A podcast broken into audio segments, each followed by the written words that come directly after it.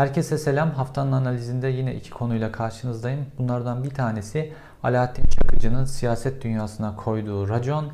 Diğeri ise Tayyip Erdoğan'la Devlet Bahçeli arasındaki koalisyonda çatırdama. Tayyip Erdoğan'ın kafasındaki yeni fikirler, parlamenter sisteme mi dönmek yoksa Amerikan başkanlık seçimlerinin Tayyip Erdoğan'a verdiği hayati ipucundan mı ilerleyecek Tayyip Erdoğan? Bu iki konuyu analiz edeceğim ama Alaaddin Çakıcı meselesiyle başlamak istiyorum.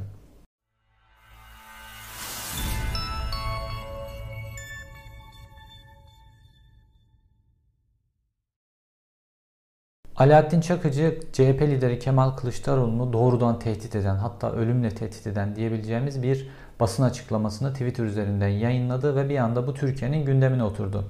Şimdi Alaaddin Çakıcı'nın böyle bir mesaj yayınlanması neden Türkiye'nin gündemine oturuyor? Çünkü Alaaddin Çakıcı'nın bir geçmişi var. Ee, gençler belki bilmiyordur ama Alaaddin Çakıcı 90'lı yıllarda işte kaçak olarak yaşadığı dönem, Avrupa'da kaçak olarak yaşadığı dönem telefon açar, televizyona bağlanır ve birisini tehdit ederdi tehdit ettiği kişi hatta süre verirdi 3 gün içinde ya da 3 ay içinde diye ve tehdit ettiği kişi gerçekten de öldürülürdü. Böyle çok sayıda cinayet oldu. Kendi eşi buna dahil. Dolayısıyla kamuoyuna açık biçimde Alaaddin Çakıcı birisini tehdit ettiğinde bunun fiiliyata geçebileceğine ilişkin elimizde doneler var. Çünkü Alaaddin Çakıcı bununla ilgili de zaten yargılandı ve organize suç örgütü lideri olarak da hakkında kesinleşmiş mahkumiyet kararları var. Şimdi Kemal Kılıçdaroğlu'nu tehdit etmesi Alaaddin Çakıcı'nın ilk mi siyaset dünyası ile ilgili? İlk değil. E, Alaaddin Çakıcı yakın dönemde e, aslında ilk başta hapisteyken Devlet Bahçeli'ye yönelik böyle ağır bir eleştiri mektubu kaleme almıştı. Çünkü Devlet Bahçeli'den beklentileri vardı fakat buna karşılanmıyordu. Daha sonra da Tayyip Erdoğan'ı böyle eleştiren, Tayyip Erdoğan'a racon koyan bir mektup yayınladı. Fakat bunların ikisi de tehdit boyutunda değildi. Kemal Kılıçdaroğlu'na yönelik mektupsa tehdit boyutunda. Peki Alaaddin Çakıcı ne oldu da böyle siyaset dünyasına tehdit boyutunda bir biçimde mafya deyimiyle rajon kesiyor? Şimdi Alaaddin Çakıcı'nın cezaevinden çıktıktan sonraki profiline ve izlediği yola bakmak lazım.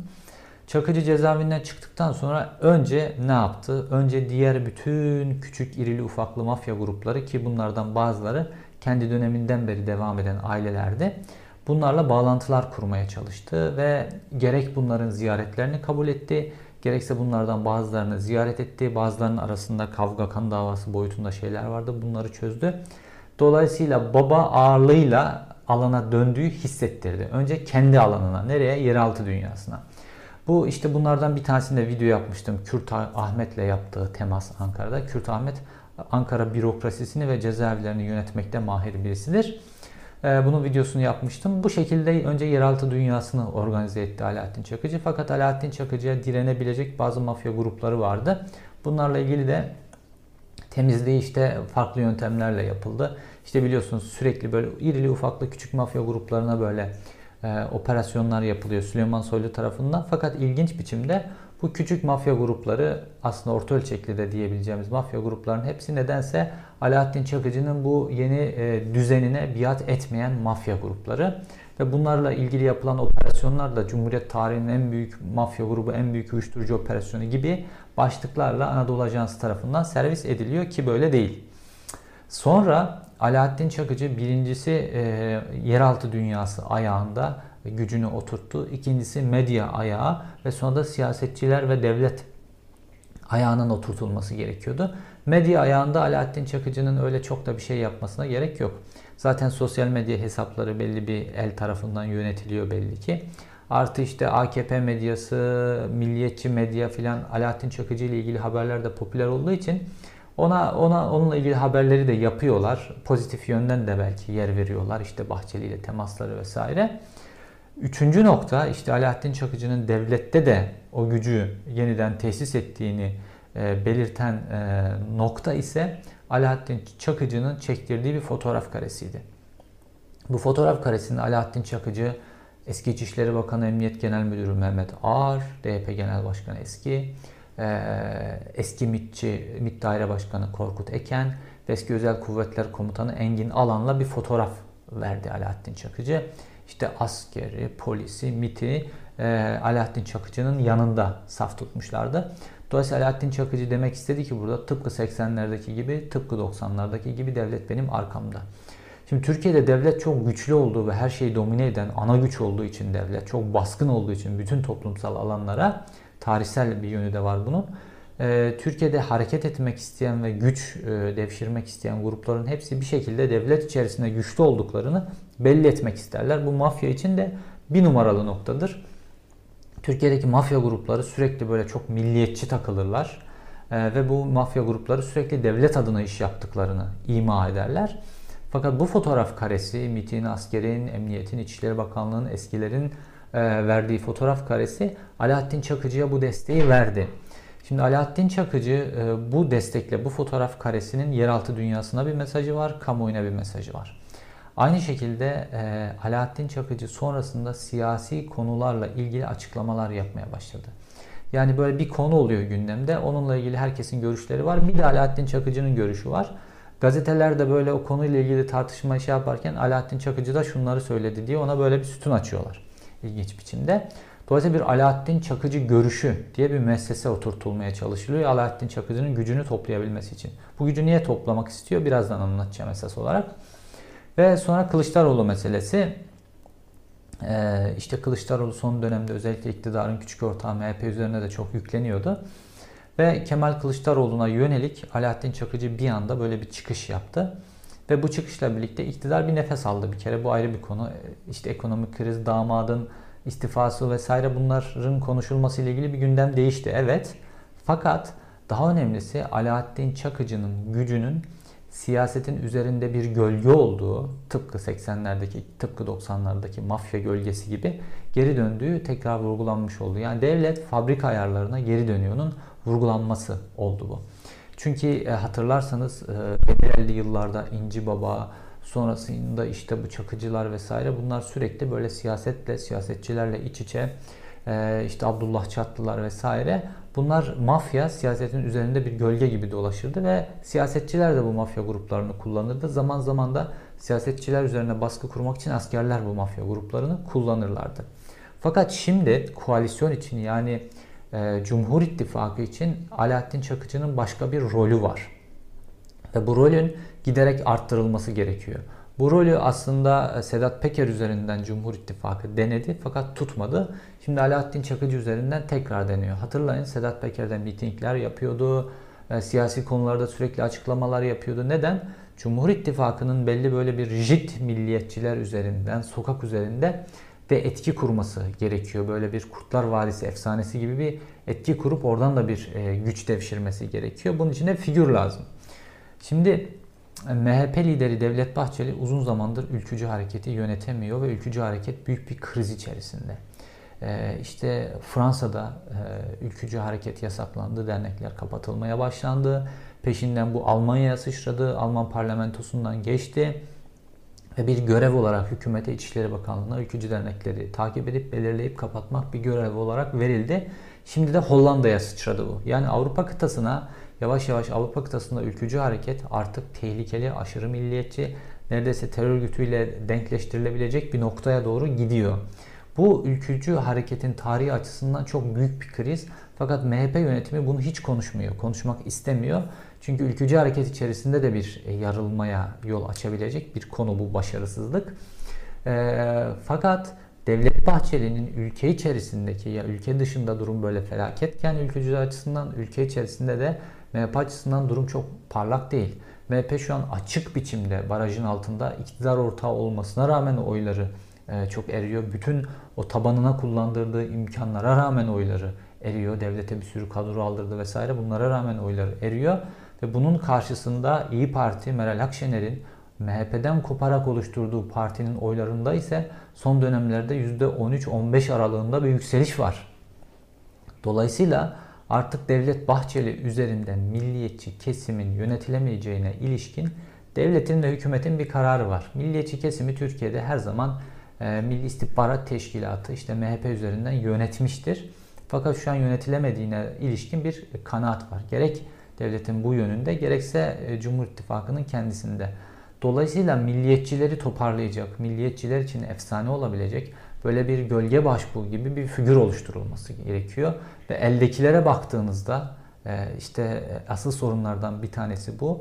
damadın istifası sonrasında Tayyip Erdoğan eldekilere baktığında e, kadroları çöle dönüşmüş durumda. Nitelikli kadro yok. MHP açısından da bakıldığında artık yeni bir figür ortaya çıkartamamışlar yani. Dolayısıyla yine bit pazarına rağbet durumuna gelmiş oldular ve Alaaddin e, e, Çakıcı'yı yeniden e, güçlendirmeye çalışıyorlar. İşte Engin Alan'ın, e, Korkut Eken'in, Mehmet Ağar'ın verdiği fotoğrafta budur.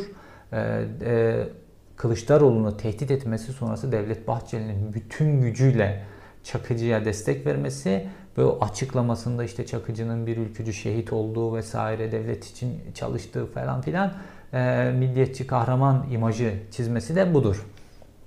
Dolayısıyla geçmişte Sedat Peker'e yaptırılmak istenen ama başarılamayan şey şu an Alaaddin Çakıcı üzerinden bir efsane oluşturularak o milliyetçi oyları ve milliyetçi tabanı tekrar toparlamak, en azından mevcudu elde tutmak için bir çalışma yapılıyor. Çünkü MHP lideri Bahçeli bunu yapamıyor. Burada bir başarısızlık söz konusu. Şimdi Alaaddin Çakıcı'nın tehdidinin e, ciddiye alınması gerekiyor. Bu çok net. Çünkü Alaaddin Çakıcı geçmişte bazı insanları tehdit etti ve bu tehdit ettiği insanlar üstelik kamuoyuna açık biçimde aynı şekilde tehdit etti ve tehdit ettiği insanlar öldürüldü. Şimdi bununla ilgili savcılıkların harekete geçmesi için gerek ana muhalefet partisi gerek de işte iktidar içerisinde de birkaç cılız ses bazı şeyler yapıyorlar ama buna karşın bir harekete geçme e, olduğunu söylemek zor. Çünkü savcılar da tıpkı yeraltı dünyası ve kamuoyu gibi işte o fotoğraf kareleriyle Alaaddin Çakıcı'nın arkasında devletin olduğuna ilişkin bir kanaatleri var. Dolayısıyla savcılar da böyle bir gücün e, karşısına çıkmakla ilgili tereddüt yaşıyorlar. Anca ne olur? Doğrudan Tayyip Erdoğan'a bağlı bazı savcılar var. Mesela Ankara Cumhuriyet Başsavcısı gibi, mesela İstanbul Cumhuriyet Başsavcısı gibi. Bu doğrudan Tayyip Erdoğan'a bağlı başsavcılar bir hareket yaparlarsa o zaman şu düşünülecek.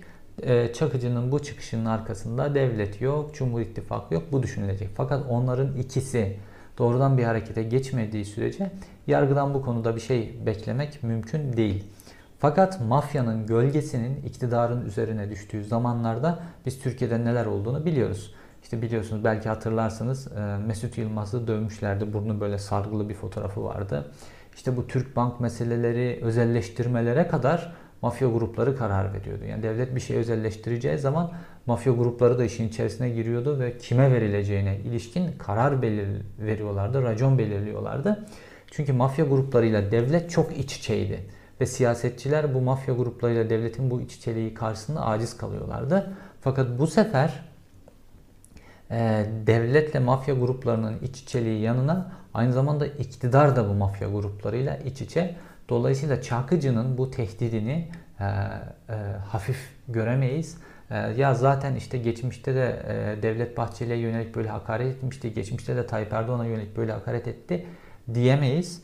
Bu sefer doğrudan doğruya can güvenliği ile ilgili bir tehdit söz konusu. E, ve bununla ilgili savcılıktan harekete geçmesi gerekiyor. Fakat böyle bir şey olmayacağını yakın vadede hepimiz biliyoruz. Şimdi bununla bağlantılı olarak gelelim ikinci konumuza. MHP ile AKP koalisyonu arasında bir çatırdama mı var? Tayyip Erdoğan yeni arayışlar içerisinde mi? HDP bu arayışlar için hedeflerden bir tanesi mi? İyi Parti bu arayışlar için hedeflerden bir tanesi mi? Yoksa Tayyip Erdoğan'ın kafasında seçim sistemiyle ilgili Amerikan modelini çağrıştırır bambaşka bir şey mi var?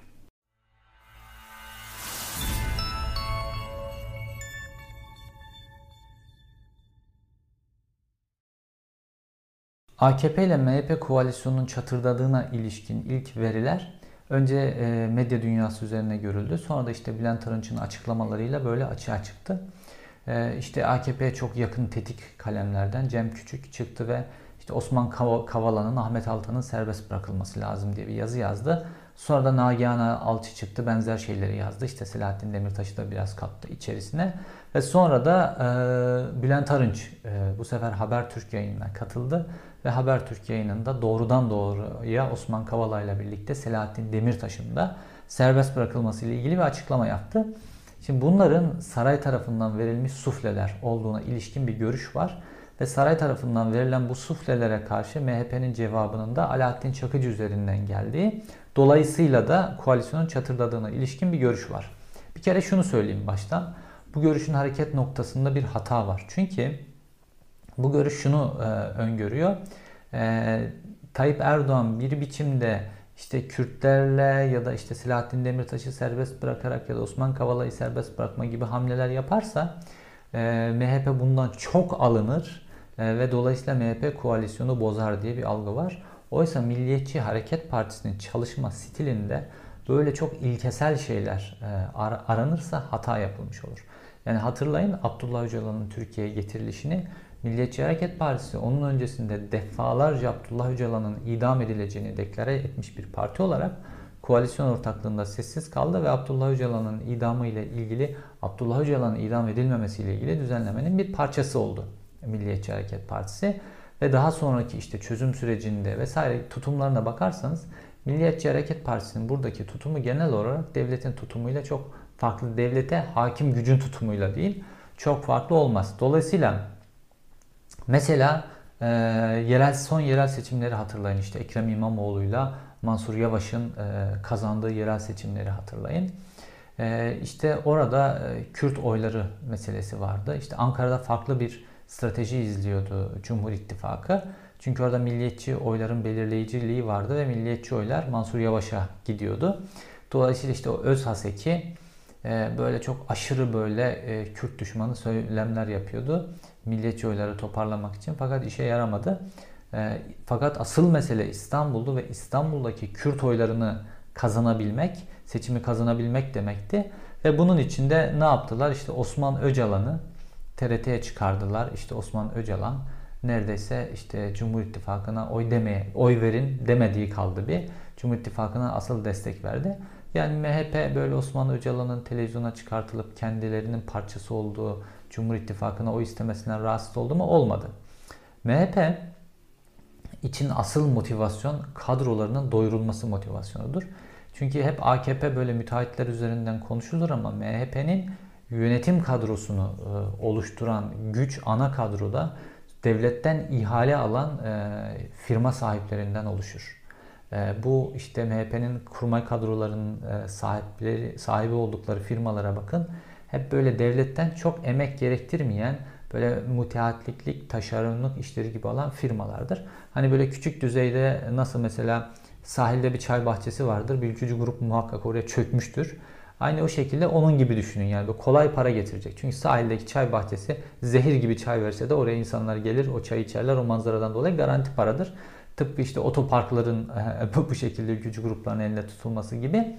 MHP'nin üst düzey kadrosunun da böyledir motivasyonu. O iktidar ve iktidarın nimetlerinden faydalandıkları sürece bu böyle çok aşırı bir ilkesellik falan aramayın. Burada her türlü esnekliği gösterebilirler. Osman Öcalan bile kendileri için oy isteyebilir.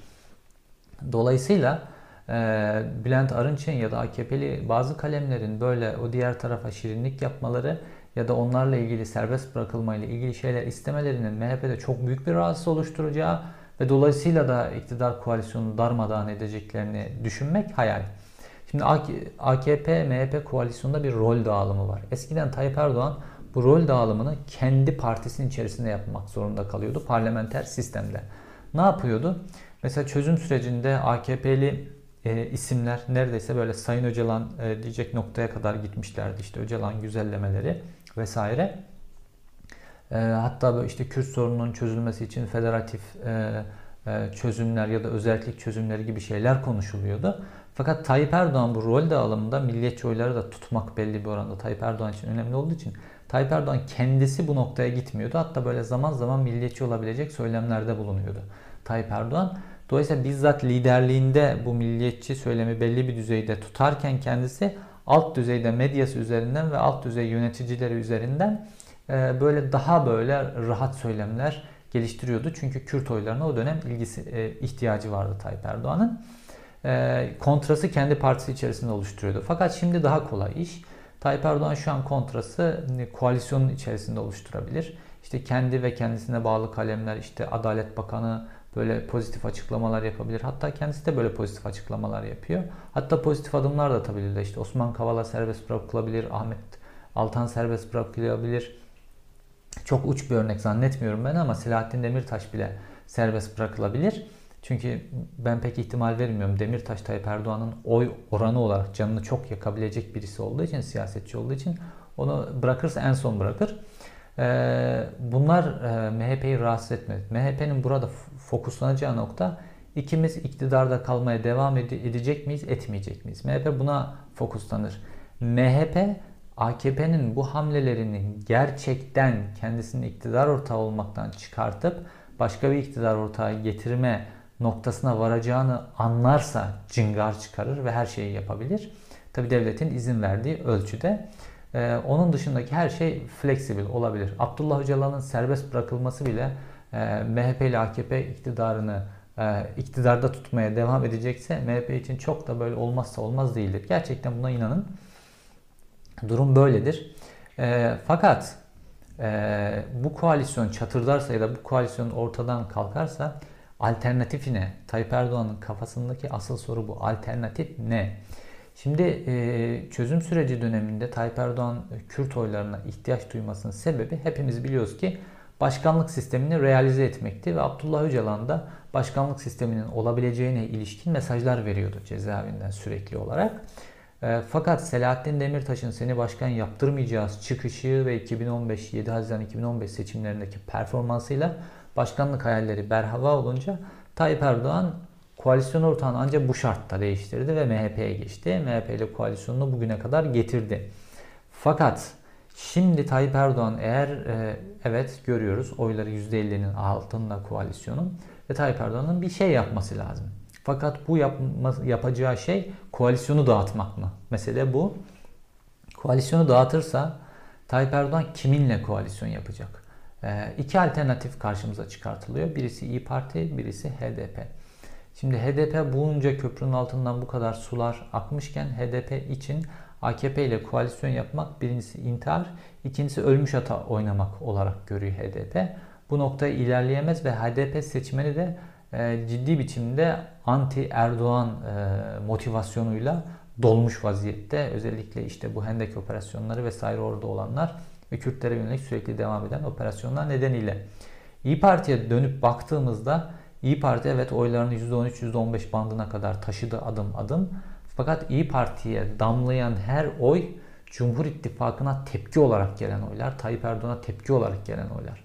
İyi Parti böyle bir koalisyona katıldığı zaman, MHP koptuğu zaman İyi Parti'deki oylar e, eriyip MHP'nin e, şeyini hanesini dolduracak yeniden. Dolayısıyla bu İyi Parti için de intihar. Ee, bu iki parti de bunu biliyorlar. Tayyip Erdoğan da bunu biliyor. Fakat Tayyip Erdoğan'ın kafasında seçim sistemi ile ilgili bir alternatif var. Buradaki alternatiflerden bir tanesi parlamenter sisteme dönmek. Nasıl ki Tayyip Erdoğan işte %34 oyla tek başına iktidar oldu. Ee, aynı aynı biçimde parlamenter sisteme de dönersek parçalı muhalefet nedeniyle ben yine %30 %34 arası bir oyla tek başıma iktidarda gele, iktidara gelebilirim mi düşünmek Tayyip Erdoğan için bir seçenek.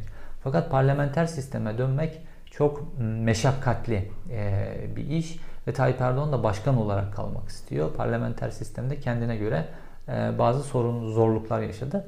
Tayyip Erdoğan'ın şu an AKP kulislerinde konuşulan yöntem, buldukları yeni fikir, buldukları yeni icat Amerika'dan ithal etmek istedikleri bir yöntem.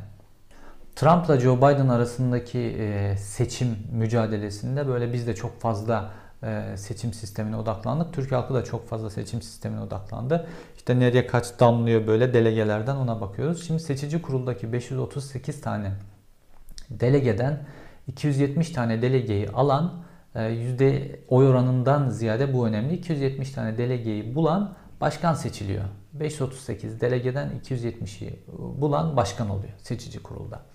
Şimdi Tayyip Erdoğan'ın kafasında da e, benzer bir yöntem var.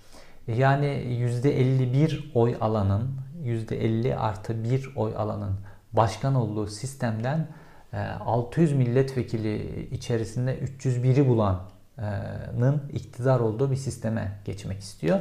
Şimdi bunu neden yapmak istiyor Tayyip Erdoğan? Dediğim gibi bu parlamenter sistem dönemindeki başarısında bunu yapmıştı Tayyip Erdoğan. %34 ee, oyla 310 milletvekili çıkartarak tek başına iktidar olmuştu. Oysa geçmişte %45 oy alıp iktidar olamayan partiler e, vardı. Çünkü barajı geçen parti sayısı çoktu. O seçimlerde ne oldu? Barajı sadece AKP ve CHP geçti. Diğer partilerin oyları %9-8 o bantta böyle yayıldılar. Dolayısıyla milletvekillerinin çoğunu AKP topladığı için tek başına iktidar oldu ve diğer partiler baraj altında kaldığı için. Şimdi AKP seçim sisteminde de benzer bir şey yapmak istiyor. 600 milletvekilinin 301'ini alanın e, liderinin başkan olduğu bir sistem getirmek istiyor. Ve bunun içerisinde bu da daha kolay Tayyip Erdoğan için parlamenter sisteme geçmekten. Neden? Çünkü seçim bölgeleri AKP'nin e, güçlü olduğu seçim bölgelerindeki delege sayısını arttırmak filan bunlar üzerinden oynayarak e, çok kolay biçimde mesela işte Kayseri İç Anadolu bölgesindeki o milletvekili sayılarını biraz arttırıp AKP'nin bol, aldığı yerlerde işte İzmir vesaire gibi yerlerdeki sayıları düşürüp AKP'nin 301 milletvekilini bulacağı bir formül oluşturmak son derece kolay. Elindeki güçle de seçim sisteminde bu değişiklikleri son derece rahat yapabilir. Dolayısıyla muhalefet %51'i, %55'i, %60'ı bulsa da AKP'nin e, işte bu delege sistemi üzerinden milletvekilliği çoğunluğu sistemi üzerinden Tayyip Erdoğan'ı başkan seçtirecek bir formülüyle ulaşması son derece kolay. Çünkü Tayyip Erdoğan için artık çok oy halk desteği bu değil. Bir biçimde başkan seçilmek Tayyip Erdoğan için önemli ve bu başkan seçilmeyi e, sağlayabilecek her türlü seçim sistemini yapmaya da Tayyip Erdoğan hazır. Fakat bunlar bugünden yarın olacak şeyler değil. Tayyip Erdoğan'ın e, çalışma biçiminde hep şu vardır. İşte bu bir alternatif. Parlamenter sisteme dönmek bir alternatif. Yeni bir koalisyon ortağı aramak bir alternatif. Bunlarla ilgili çalışma grupları kurdurtur Tayyip Erdoğan. Bunların hepsi bunlarla ilgili hazırlıklar yaparlar. Ve bunların hepsiyle ilgili de ufak ufak propagandalar da yapılır. Fakat o gün geldiğinde, seçim günü geldiğinde, Tayyip Erdoğan seçim yapmaya karar verdiğinde ya da normal seçim geldiğinde. Bunlardan hangisi Tayyip Erdoğan'ı başkan yapacaksa, iktidarın başında tutacaksa Tayyip Erdoğan onu seçer. Ülkenin iyiliği, adalet, seçimde adalet, oy adaleti, temsilde adalet filan bunların hiçbirisi önemli değildir. Dolayısıyla MHP de çok iyi biliyor ki İslamcılar Tayyip Erdoğan'ın temsil ettiği ideoloji iktidarda kalmak için her şeyi yapar. Seçim sistemi değişir, ülkenin sistemi değişir. Her şey ayarlanır ve bir biçimde Tayyip Erdoğan iktidarda kalır. Tayyip Erdoğan iktidarda kalmak için her şeyi yapar ve bunu başarır. Bu fikir Milliyetçi Hareket Partisi'nde kalıplaşmış ve yerleşmiş durumdadır. Bu fikir AKP'ye hala destek veren o elit kadroda buna iş adamları ve TÜSİAD vesaire de dahil yerleşmiş biçimde ve Tayyip Erdoğan da bunu yapacağını sürekli olarak bu kendisine yakın kadrolara gö söylemektedir, göstermektedir. Dolayısıyla Tayyip Erdoğan bir biçimde seçimlerde istediği ayarlamayı yapıp bir biçimde iktidarda kalmanın e, yolunu deneyecektir. Ee, evet yerel seçimlerle karşılaştırabiliriz. İşte Ekrem İmamoğlu'nu devirmek için her şeyi yaptı fakat başaramadı. Fakat genel seçimler ve Tayyip Erdoğan'ın kendi ikbali, bizzat şahsi ikbali söz konusu olduğunda ailesinin içerisinden fertleri dahi e, harcayabileceği, onların dahi kellesini alabileceği bir tarihsel zihniyetten geldiğini çok yakın zamanda gördük. Ve Tayyip Erdoğan'ın kendi ikbali söz konusu olduğunda yapmayacağı şey yok ve iktidarda kalabilmek için her türlü çılgınlık noktasına gidebilir. Dolayısıyla yakın dönemde e, işte bu Çakıcı'nın açıklamaları, Bülent Alınç'ın açıklamaları vesaire bakıp da AKP ile MHP koalisyonunda yolun sonuna geldiğini düşünmek çok çok erken olur. E, AKP-MHP koalisyonunun geleceğini Tayyip Erdoğan'ın ikbali belirler. İzlediğiniz için teşekkür ederim. Bir sonraki videoda görüşmek üzere.